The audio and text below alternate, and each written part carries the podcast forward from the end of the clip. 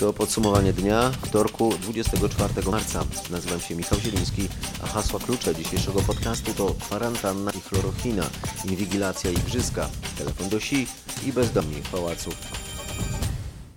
Liczba potwierdzonych przypadków zarażenia koronawirusem w Polsce przekroczyła 900, dokładnie jest ich 901, podało wieczorem Ministerstwo Zdrowia. Wczoraj było ich 749. W ciągu doby testy potwierdziły zatem zachorowanie u 152 osób. Jest to wzrost o 20%. Ta dynamika zatem nie maleje. Rząd ogłosił dziś wprowadzenie dalszych radykalnych ograniczeń związanych z epidemią. To zakaz opuszczania domów poza określonymi wyjątkami, a jeśli spotkania, to tylko w dwie osoby, chyba że dotyczy to rodzin. Rząd wprowadza również ograniczenia w podróżowaniu autobusami i tramwajami. Mariusz Piekarski o tym, jak to ma wyglądać w praktyce. Jeśli wyjście z domu, to tylko niezbędne przypadki podróż do pracy i z powrotem, wyjście na zakupy, do apteki czy do lekarza. Dopuszczalne jest wyjście, by się po prostu przewietrzyć, wyjście na krótki spacer. Wyprowadzenie psa czy po prostu przejście się oczywiście potrzebne, ale to nie oznacza, że mamy się gromadzić. Dlatego, jak mówi minister Szumowski, jeśli spacer z dzieckiem, to nie na plac zabaw. Jeśli wyjście do parku, to nie ze znajomymi. Spotykać się można maksymalnie we dwie osoby. Nie dotyczy to oczywiście rodziców z dziećmi. Kolejne radykalne ograniczenie na mszy, ale także na pogrzebie czy na ślubie może być tylko pięć osób, bo bez kolejnych radykalnych kroków nie uratujemy ludzi, mówi minister zdrowia. Nie ograniczymy liczby chorych, nie uratujemy ludzkich żyć. Dlatego poważne obostrzenia dotkną także podróżowania komunikacją miejską w autobusach, w tramwajach, w metrze. Zajęta może być tylko połowa miejsc i to tych siedzących. Tylko miejsca siedzące podzielone przez dwa, czyli nie może być tłoku, musi być dystans. Jak zapowiedział premier, ograniczenia obowiązują do 11 kwietnia. Warszawa, Mariusz Piekarski. Dodam jeszcze, że według zaleceń rządowych nawet na zewnątrz nie powinno się zbliżać do innych ludzi na mniej niż 2 metry. Sklepy mają być nadal otwarte, ale obowiązuje w nich ograniczenie liczby klientów. Za łamanie tych zakazów będzie grozić kara do 5 tysięcy złotych. Wyjście na zakupy czy do apteki wśród wyjątków w zakazach, które właśnie zaczęły obowiązywać w Indiach. Premier Narendra Modi w przemówieniu telewizyjnym ogłosił całkowitą blokadę kraju i zakaz opuszczania domów przez 21 dni. Dotyczy to wszystkich mieszkańców kraju, a więc ponad miliarda 300 milionów ludzi. Za złamanie tego zakazu można trafić za kratki na miesiąc. A skoro jesteśmy w Azji, chiński przywódca Xi Jinping odebrał dziś telefon od polskiego prezydenta. Według y, gabinetu Andrzeja Dudy Tematem była współpraca przy zwalczaniu koronawirusa. Prezydenci uzgodnili, że władze Chińskiej Republiki Ludowej będą pozytywnie odnosić się do polskich wniosków o zakup środków ochrony osobistej, materiałów, maszyn i sprzętu medycznego potrzebnych do zwalczania epidemii, poinformował prezydencki minister i dodał, Prezydenci rozmawiali też o perspektywach przyszłej współpracy polsko-chińskiej, niewielostronnej, niezbędnej do powrotu na ścieżkę wzrostu gospodarczego po ustąpieniu pandemii a dziś do Chin poleciał samolot specjalny z Polski, który ma przywieźć wyposażenie medyczne. Jak podano, możliwe są kolejne takie loty. We wczorajszym podsumowaniu dnia mówiłem o tym, że choćby nasi południowi sąsiedzi kupili w Chinach miliony maseczek, a dziś wzorem premiera Czech, nowy szef słowackiego rządu Igor Matowicz ogłosił zakaz wychodzenia z domów bez maseczek ochronnych na Słowacji. Od 30 marca obowiązkowe będzie również mierzenie temperatury przed wejściem do szpitali, fabryk i sklepów. Zdecydowana większość e, tego wspomnianego wyposażenia medycznego wytwarzana jest dzisiaj w Chinach, a w Polsce kolejne szpitale proszą o takie wyposażenie. O pilne wsparcie apeluje choćby Szpital Wojewódzki w Szczecinie. To tam trafiają wszystkie wykryte w zachodniopomorskiem przypadki zakażenia koronawirusem. Obecnie leczonych jest tam kilkunastu pacjentów. E, szczegóły zna nasza reporterka Aneta Łuczkowska, która opowie o tym, co jest potrzebne maseczki, kombinezony ochronne, gogle czy płyn do dezynfekcji. Te w każdej chwili mogą się skończyć, a niektórzy dostawcy, z którymi współpracuje szpital, poinformowali o możliwych przerwach w dostawach. Utworzyliśmy specjalne konto, na które można wpłacać pieniądze. Za te środki kupujemy na bieżąco sprzęt i aparaturę. Mówi mi Mateusz Iżakowski, rzecznik Szpitala Przyarkońskiej w Szczecinie. Placówka posiada 900 łóżek dla pacjentów. Została przekształcona w szpital jednoimienny zakaźny. To oznacza, że właśnie tu trafiać będą wymagające hospitalizacji pacjenci z koronawirusem. Zasoby pakietów ochronnych dla personelu medycznego są bardzo szybko zużywane. Mimo dostaw boimy się o zapasy, mówi również dyrektor Szpitala Uniwersyteckiego w Krakowie Marcin Jędrychowski. Oby to się nigdy nie wydarzyło, ale naprawdę szykujemy się na to, że w którymś momencie te wszystkie rzeczy, które my teraz próbujemy jeszcze na rynku zakupić i zabezpieczyć się, będą nam naprawdę bardzo, bardzo potrzebne. My będziemy potrzebować każdego jednego sprzętu, który może nas wesprzeć w opiece nad państwem i takim między innymi sprzętem jest sprzęt do dekontaminacji pomieszczeń. Wracając do maseczek, obawiam się, że głównym powodem zniechęcania do noszenia masek ludności jest to, że wszędzie poza niektórymi krajami Azji ich po prostu brakuje. Tak się składa, że właśnie w tych krajach Azji panuje pogląd, wspierany tam przez wielu lekarzy, według którego podczas epidemii maski powinni nosić wszyscy. Tak się również składa, że to w tych krajach udało się zdusić epidemię. Przyjmuje się, że to dzięki społecznej dyscyplinie. A nikt nie pyta, na ile pomógł w tym fakt, że w Chinach, Japonii, Korei Południowej czy Singapurze masowo używano maseczek. Ta opinia to fragment mojego tekstu bloga zatytułowanego Maska dla każdego za zgodą Chińczyków. Cały tekst można przeczytać na rmf24.pl. Krakowscy naukowcy pracują nad respiratorem ostatniej szansy. Będzie on mógł zostać wydrukowany w drukarce 3D. Ma być tani i łatwy w użyciu. Wydrukować go będzie można docelowo w każdej drukarce 3D na całym świecie. To jest urządzenie, które działa jak respirator. Nie jest prawdziwym profesjonalnym respiratorem i w założeniu nie ma takim być. Jest to urządzenie ostatniej szansy, gdy zabraknie profesjonalnego sprzętu medycznego. Działa na prąd, może działać również z akumulatora samochodowego. Jest to pierwszy prototyp. W środę, najpóźniej w czwartek będziemy mieć wersję działającą wyłącznie na sprężone powietrze. Może być to przemysłowy kompresor, może być to sprężarka do pompowania kół samochodowych, może być to sprężarka do aerografu, dowolne źródło sprężonego powietrza, to jest bardzo powszechne na całym świecie. Pacjent z niewydolnością oddechową potrzebuje w uproszczeniu mieć wtłaczany mieszankę medyczną do płuc. Może być to powietrze atmosferyczne, natomiast im więcej tlenu, tym lepiej. To jest właśnie jedyne podstawowe zadanie respiratora. Cała reszta jest ustawiana przez lekarza, czyli objętość, e, długość wdechu, poziom nadciśnienia, dokładny skład mieszanki.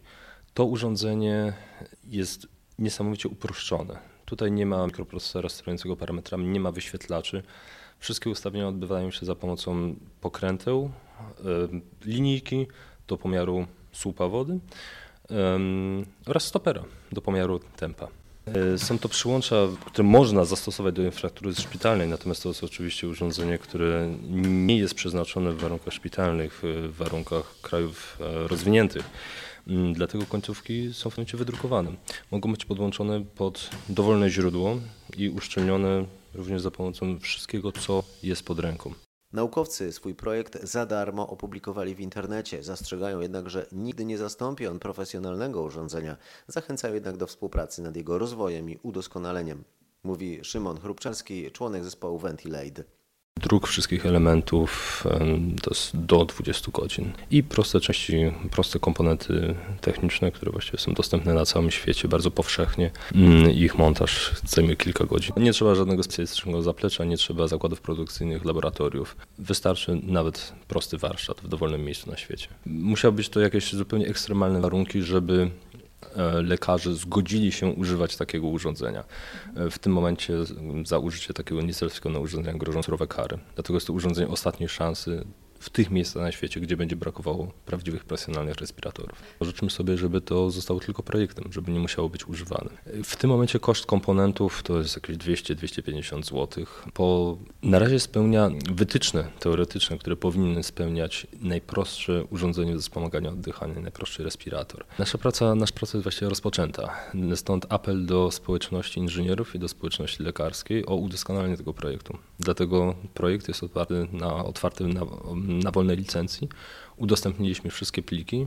Będziemy udostępniać kolejne pliki prototypów, y, kolejne nagrania z pracy tego urządzenia i zachęcamy społeczność do wzięcia udziału i rozwoju tego projektu, tak aby stworzyć coś prostego, taniego i niezawodnego. W tym momencie kilka zespołów w Polsce pracuje nad podobnymi projektami. E, w tym tygodniu mamy podzielić się informacjami, wymienić e, uwagi e, i stworzyć prawdopodobnie coś, co będzie wspólnym projektem. Teraz skoro mowa o technologii, ponownie wrócimy za naszą południową granicę i to nie ostatni raz y, w tym dzisiejszym podcaście. Słowacki rząd ma zgodzić się na przyjęcie ustawy zezwalającej instytucjom państwowym na korzystanie z danych operatorów telekomunikacyjnych. Celem jest monitoring osób pozostających w kwarantannie w związku z pandemią koronawirusa. Podobne rozwiązanie stosowane jest już w Izraelu i tamtejsze władze ogłosiły, że lokują z dokładnością do metra miejsce, w którym przebywają obywatele. Izraelskie Ministerstwo Obrony podało również dziś, że rozpoczyna analizy głosu, tak by rozpoznawać dzięki temu zarażonych wirusem. Według izraelskiego wojska sztuczna inteligencja powinna znaleźć w charakterystyce głosu cechy, które łączą się ze skutkami działania wirusa i dzięki temu szpitale w Izraelu mają uzyskać narzędzie do wstępnej identyfikacji chorych. Dziś zrobiło się też głośno o opublicznionych już wcześniej wynikach badań, które wskazują, że jednym z objawów działania koronawirusa jest utrata węchu i smaku. Pewien amerykański lekarz twierdzi z kolei, że dzięki zastosowaniu preparatów z chlorochiną uzyskał imponujące wyniki leczenia chorych na COVID-2019. Takie doniesienia napływały też z innych krajów, ale jednocześnie pojawiło się wiele opinii, że ta terapia może uczynić więcej szkody niż pożytku. Niektóre państwa, w tym znowu Czechy, ogłosiły jednak, że gromadzą zapasy takich leków. Tymczasem nasz francuski korespondent informował dziś o skandalu z chlorochiną. Jej zapasy w tajemniczy sposób zniknęły z magazynów zaopatrujących szpitale publiczne w całym kraju. Według źródeł we francuskiej służbie zdrowia cytowanych przez tutejsze media, zapasy chlorochiny zostały po prostu rozkradzione przez pracowników magazynów i lekarzy. Dyrekcja Centralnej Apteki Szpitali Publicznych potwierdza na razie tylko, że nastąpił nagły, nieprzewidziany brak tego leku. Nie wyklucza, że duże jego ilości mogły zostać w nie do końca legalny sposób przywłaszczone przez przedstawicieli poszczególnych szpitali, które chciały dysponować własnymi zapasami. Przypomnijmy, że ruszyły już zakrojone na szeroką skalę testy w wielu krajach europejskich, które mają potwierdzić skuteczność chlorochiny, dotąd stosowanej m.in. przeciwko malarii. Dodam, że wczoraj Marek Gładysz informował z Francji o tajemniczym zniknięciu z tamtejszych magazynów 1,5 miliarda maseczek ochronnych. A teraz e, Włochy i informacje mniej czarne niż poprzednio. W ciągu ostatniej doby przybyło tam ponad 3,5 tysiąca przypadków zarażeń, ale to już nie kilkunasto, lecz 7% dobowy przyrost liczby zachorowań. W ciągu ostatniej doby we Włoszech zmarły też 743 osoby i łączny bilans, zmar bilans zmarłych wzrósł tam do ponad 6800. Sytuację we Włoszech śledzi Krzysztof Kot. Czy rzeczywiście można uznać, że to już przełom? Każdy by chciał, te dane nie są jakieś szczególnie lepsze, ale zawsze. Tam każdy szuka tej najmniejszej iskierki nadziei, mówi Małgorzata Banach, mieszkająca w regionie trydenckim, chociaż równocześnie studzi emocje. Tak, to była jak najbardziej cudowna informacja dla wszystkich, bo y, to czekanie jest jednak bardzo stresujące mimo wszystko. To czekanie na ten szczyt, na ten właśnie punkt kulminacyjny powoduje to, że każdy nie myśli o niczym innym, tylko właśnie o tym, o tym czasie, kiedy zaczną te liczby spadać. Bo on był prognozowany mniej więcej na ten weekend, który był. Tak, i tak jakby ma to jakieś potwierdzenie w tych liczbach, ale poczekajmy jeszcze trochę, poczekajmy. I wszyscy o tym mówią, żebyśmy jednak poczekali i, i podchodzimy do tych liczb y, zadowoleniem, aczkolwiek też i z ostrożnością. Mimo wszystko, jeszcze te 2-3 dni potrzebne są na to, żeby potwierdzić tą tendencję spadkową. A na razie nowe obostrzenia. Uruchomione drony, które, e, że tak powiem, nas e, śledzą, więc są obostrzenia w postaci kary 2000 e, euro, a jeżeli te osoby przemieszczają się swoim pojazdem, własnym pojazdem, to będzie przyjmowany ten ich pojazd. Także mam nadzieję, że już coraz mniej osób będzie e, wychodziło i w miarę wszyscy będą dostosowywali się do tych wszystkich e, zasad. Włoski rząd szacuje na razie bardzo ostrożnie, że wychodzenie z epidemii może potrwać do końca lipca. E, Krzysztof Kod rozmawiał też z Polką mieszkającą od prawie 30 lat w Rzymie, Martą Stępień. Pani Marta mówi, Trzeci tydzień w zamkniętych mieszkaniach są wzloty i upadki, ale musimy być silni. Nawet wyprowadzając psa na spacer, nie można odejść dalej niż na 100 metrów od domu, a na ulicach policja i wojsko pilnują, żeby ludzie nie chodzili bez potrzeby. Co jest najgorsze? Najgorsze to jest się załamać, opowiada pani Marta, która sama przyznaje, że trudno nie mieć w tej sytuacji huśtawek nastrojów. Ostatni raz poza domem była cztery dni temu na zakupach. Najważniejsze to znaleźć sobie zajęcie, nie tracić bezsensownie czasu. Sama zaczęła się uczyć online. mamy, mamy dziewczyny z terenu Polski nawet, z terenu, z terenu całej Europy, gdzie robimy live, uczymy się.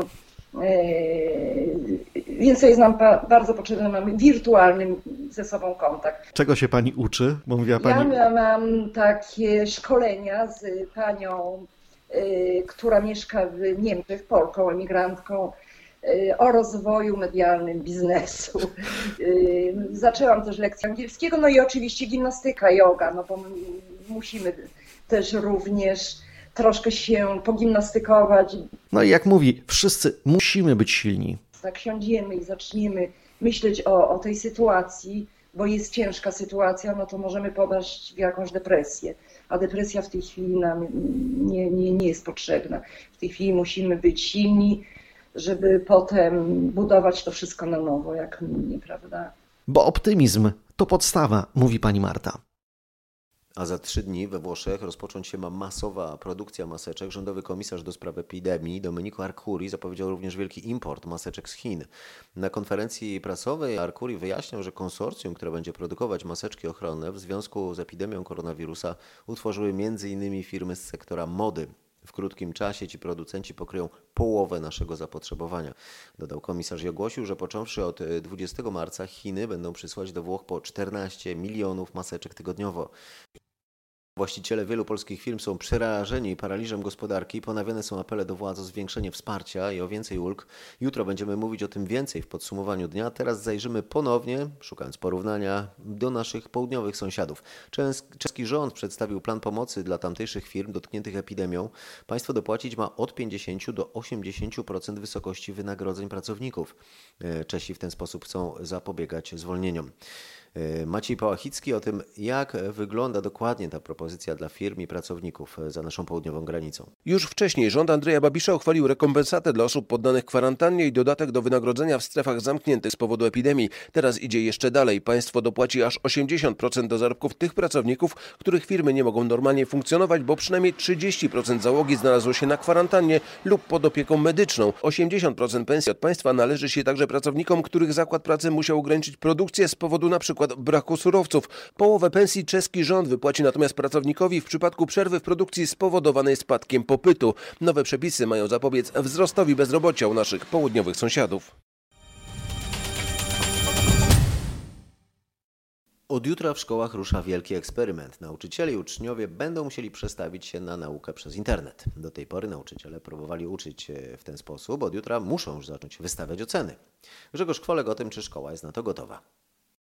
Na ten temat bardzo długą dyskusję zorganizowali dwaj nauczyciele, Marcin Zarud z Tarnowa i Jacek Staniszewski z Warszawy. W spotkaniu wzięli udział nauczyciele, rodzice i osoby zajmujące się edukacją na odległość. Wszyscy podkreślali zgodnie, bierzemy się za barki z tematem, który oficjalnie polska szkoła do tej pory omijała z daleka. Teraz decyzją jednego człowieka, ministra edukacji narodowej, wszyscy rzucili się do nauczania przez internet i często robią to źle, mówi Jarek Kania, rodzic i twórca społeczności Ojcowska Strona Mocy. Zadanie strona 52, zadanie pierwsze, drugie, trzecie. Zróbcie to, podeślijcie wyniki, do widzenia, powodzenia. I to jest takie suche, oderwane, przeniesione tak naprawdę kopiuj w klej klasa, zajęcia szkolne w ławce do domu, gdzie dziecko nie wie, jak sobie z tym poradzić, bo jest to eksperyment, w którym wszyscy uczestniczymy. Pojawiły się też pierwsze problemy emocjonalne. Dzieciom brakuje wsparcia ze strony nauczycieli i kontaktu z rówieśnikami, mówi Witia Bartoszowa-Hoffman. Problem jest w tym, że te dzieciaki, głównie te nastolatki, oni mają trochę inne jeszcze problemy. Widzę to na własnych dzieciach. One, im brak kontaktu i one się w tym same nie potrafią odnaleźć. Po prostu albo siedzi zupełnie sam. Wyobraźcie sobie takiego jedynaka, jak siedzi sam. Sama jest nauczycielką, mamą i członkinią grupy Superbel 3RP, skupiającej nauczycieli od lat wdrażających nowoczesne metody nauczania. Oprócz konieczności radzenia sobie z przeniesieniem szkoły z XIX do XX wieku, zdecydowana większość musi godzić jednocześnie co najmniej dwie role nauczyciela i rodzica. Pamiętajcie, że ci nauczyciele również mają dwójkę, trójkę dzieci i w jaki sposób teraz prowadzić zajęcia. Oni również pracują, ich małżonkowie pracują. Nie zawsze jest to praca zdalna, wracają, no i tak dalej, i tak dalej. Nawarstwia się mnóstwo rzeczy. mówi Jacek Ścibor, nauczyciel i rodzic, założyciel grupy Superbelwszy RP. I podkreśla, że nowe zadania wymagają nowego podejścia, organizowania lekcji, które skupiałyby wiele przedmiotów w jednym miejscu.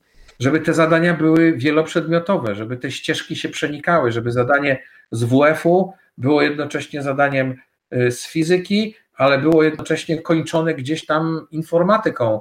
Niektórych lekcji po prostu może być mniej niż w dotychczasowym rozkładzie godzin, podkreśla.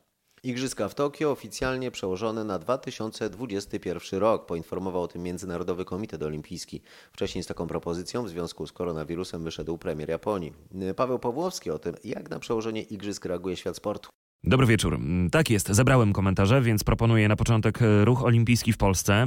To jedyna słuszna i racjonalna decyzja, mówi nam prezes Polskiego Komitetu Olimpijskiego Andrzej Kraśnicki. Ta decyzja nie mogła być inna. Wirus zmienił kalendarz wydarzeń sportowych na całym świecie, także kalendarz kwalifikacji olimpijskich. Wielu sportowców utrudniono możliwość treningu, pełnego przygotowania się do igrzysk. Mówił Kraśnicki. Nie znamy oczywiście dokładnego nowego terminu igrzysk, ale mm, wiemy, że odbędą się one nie później niż latem przyszłego roku.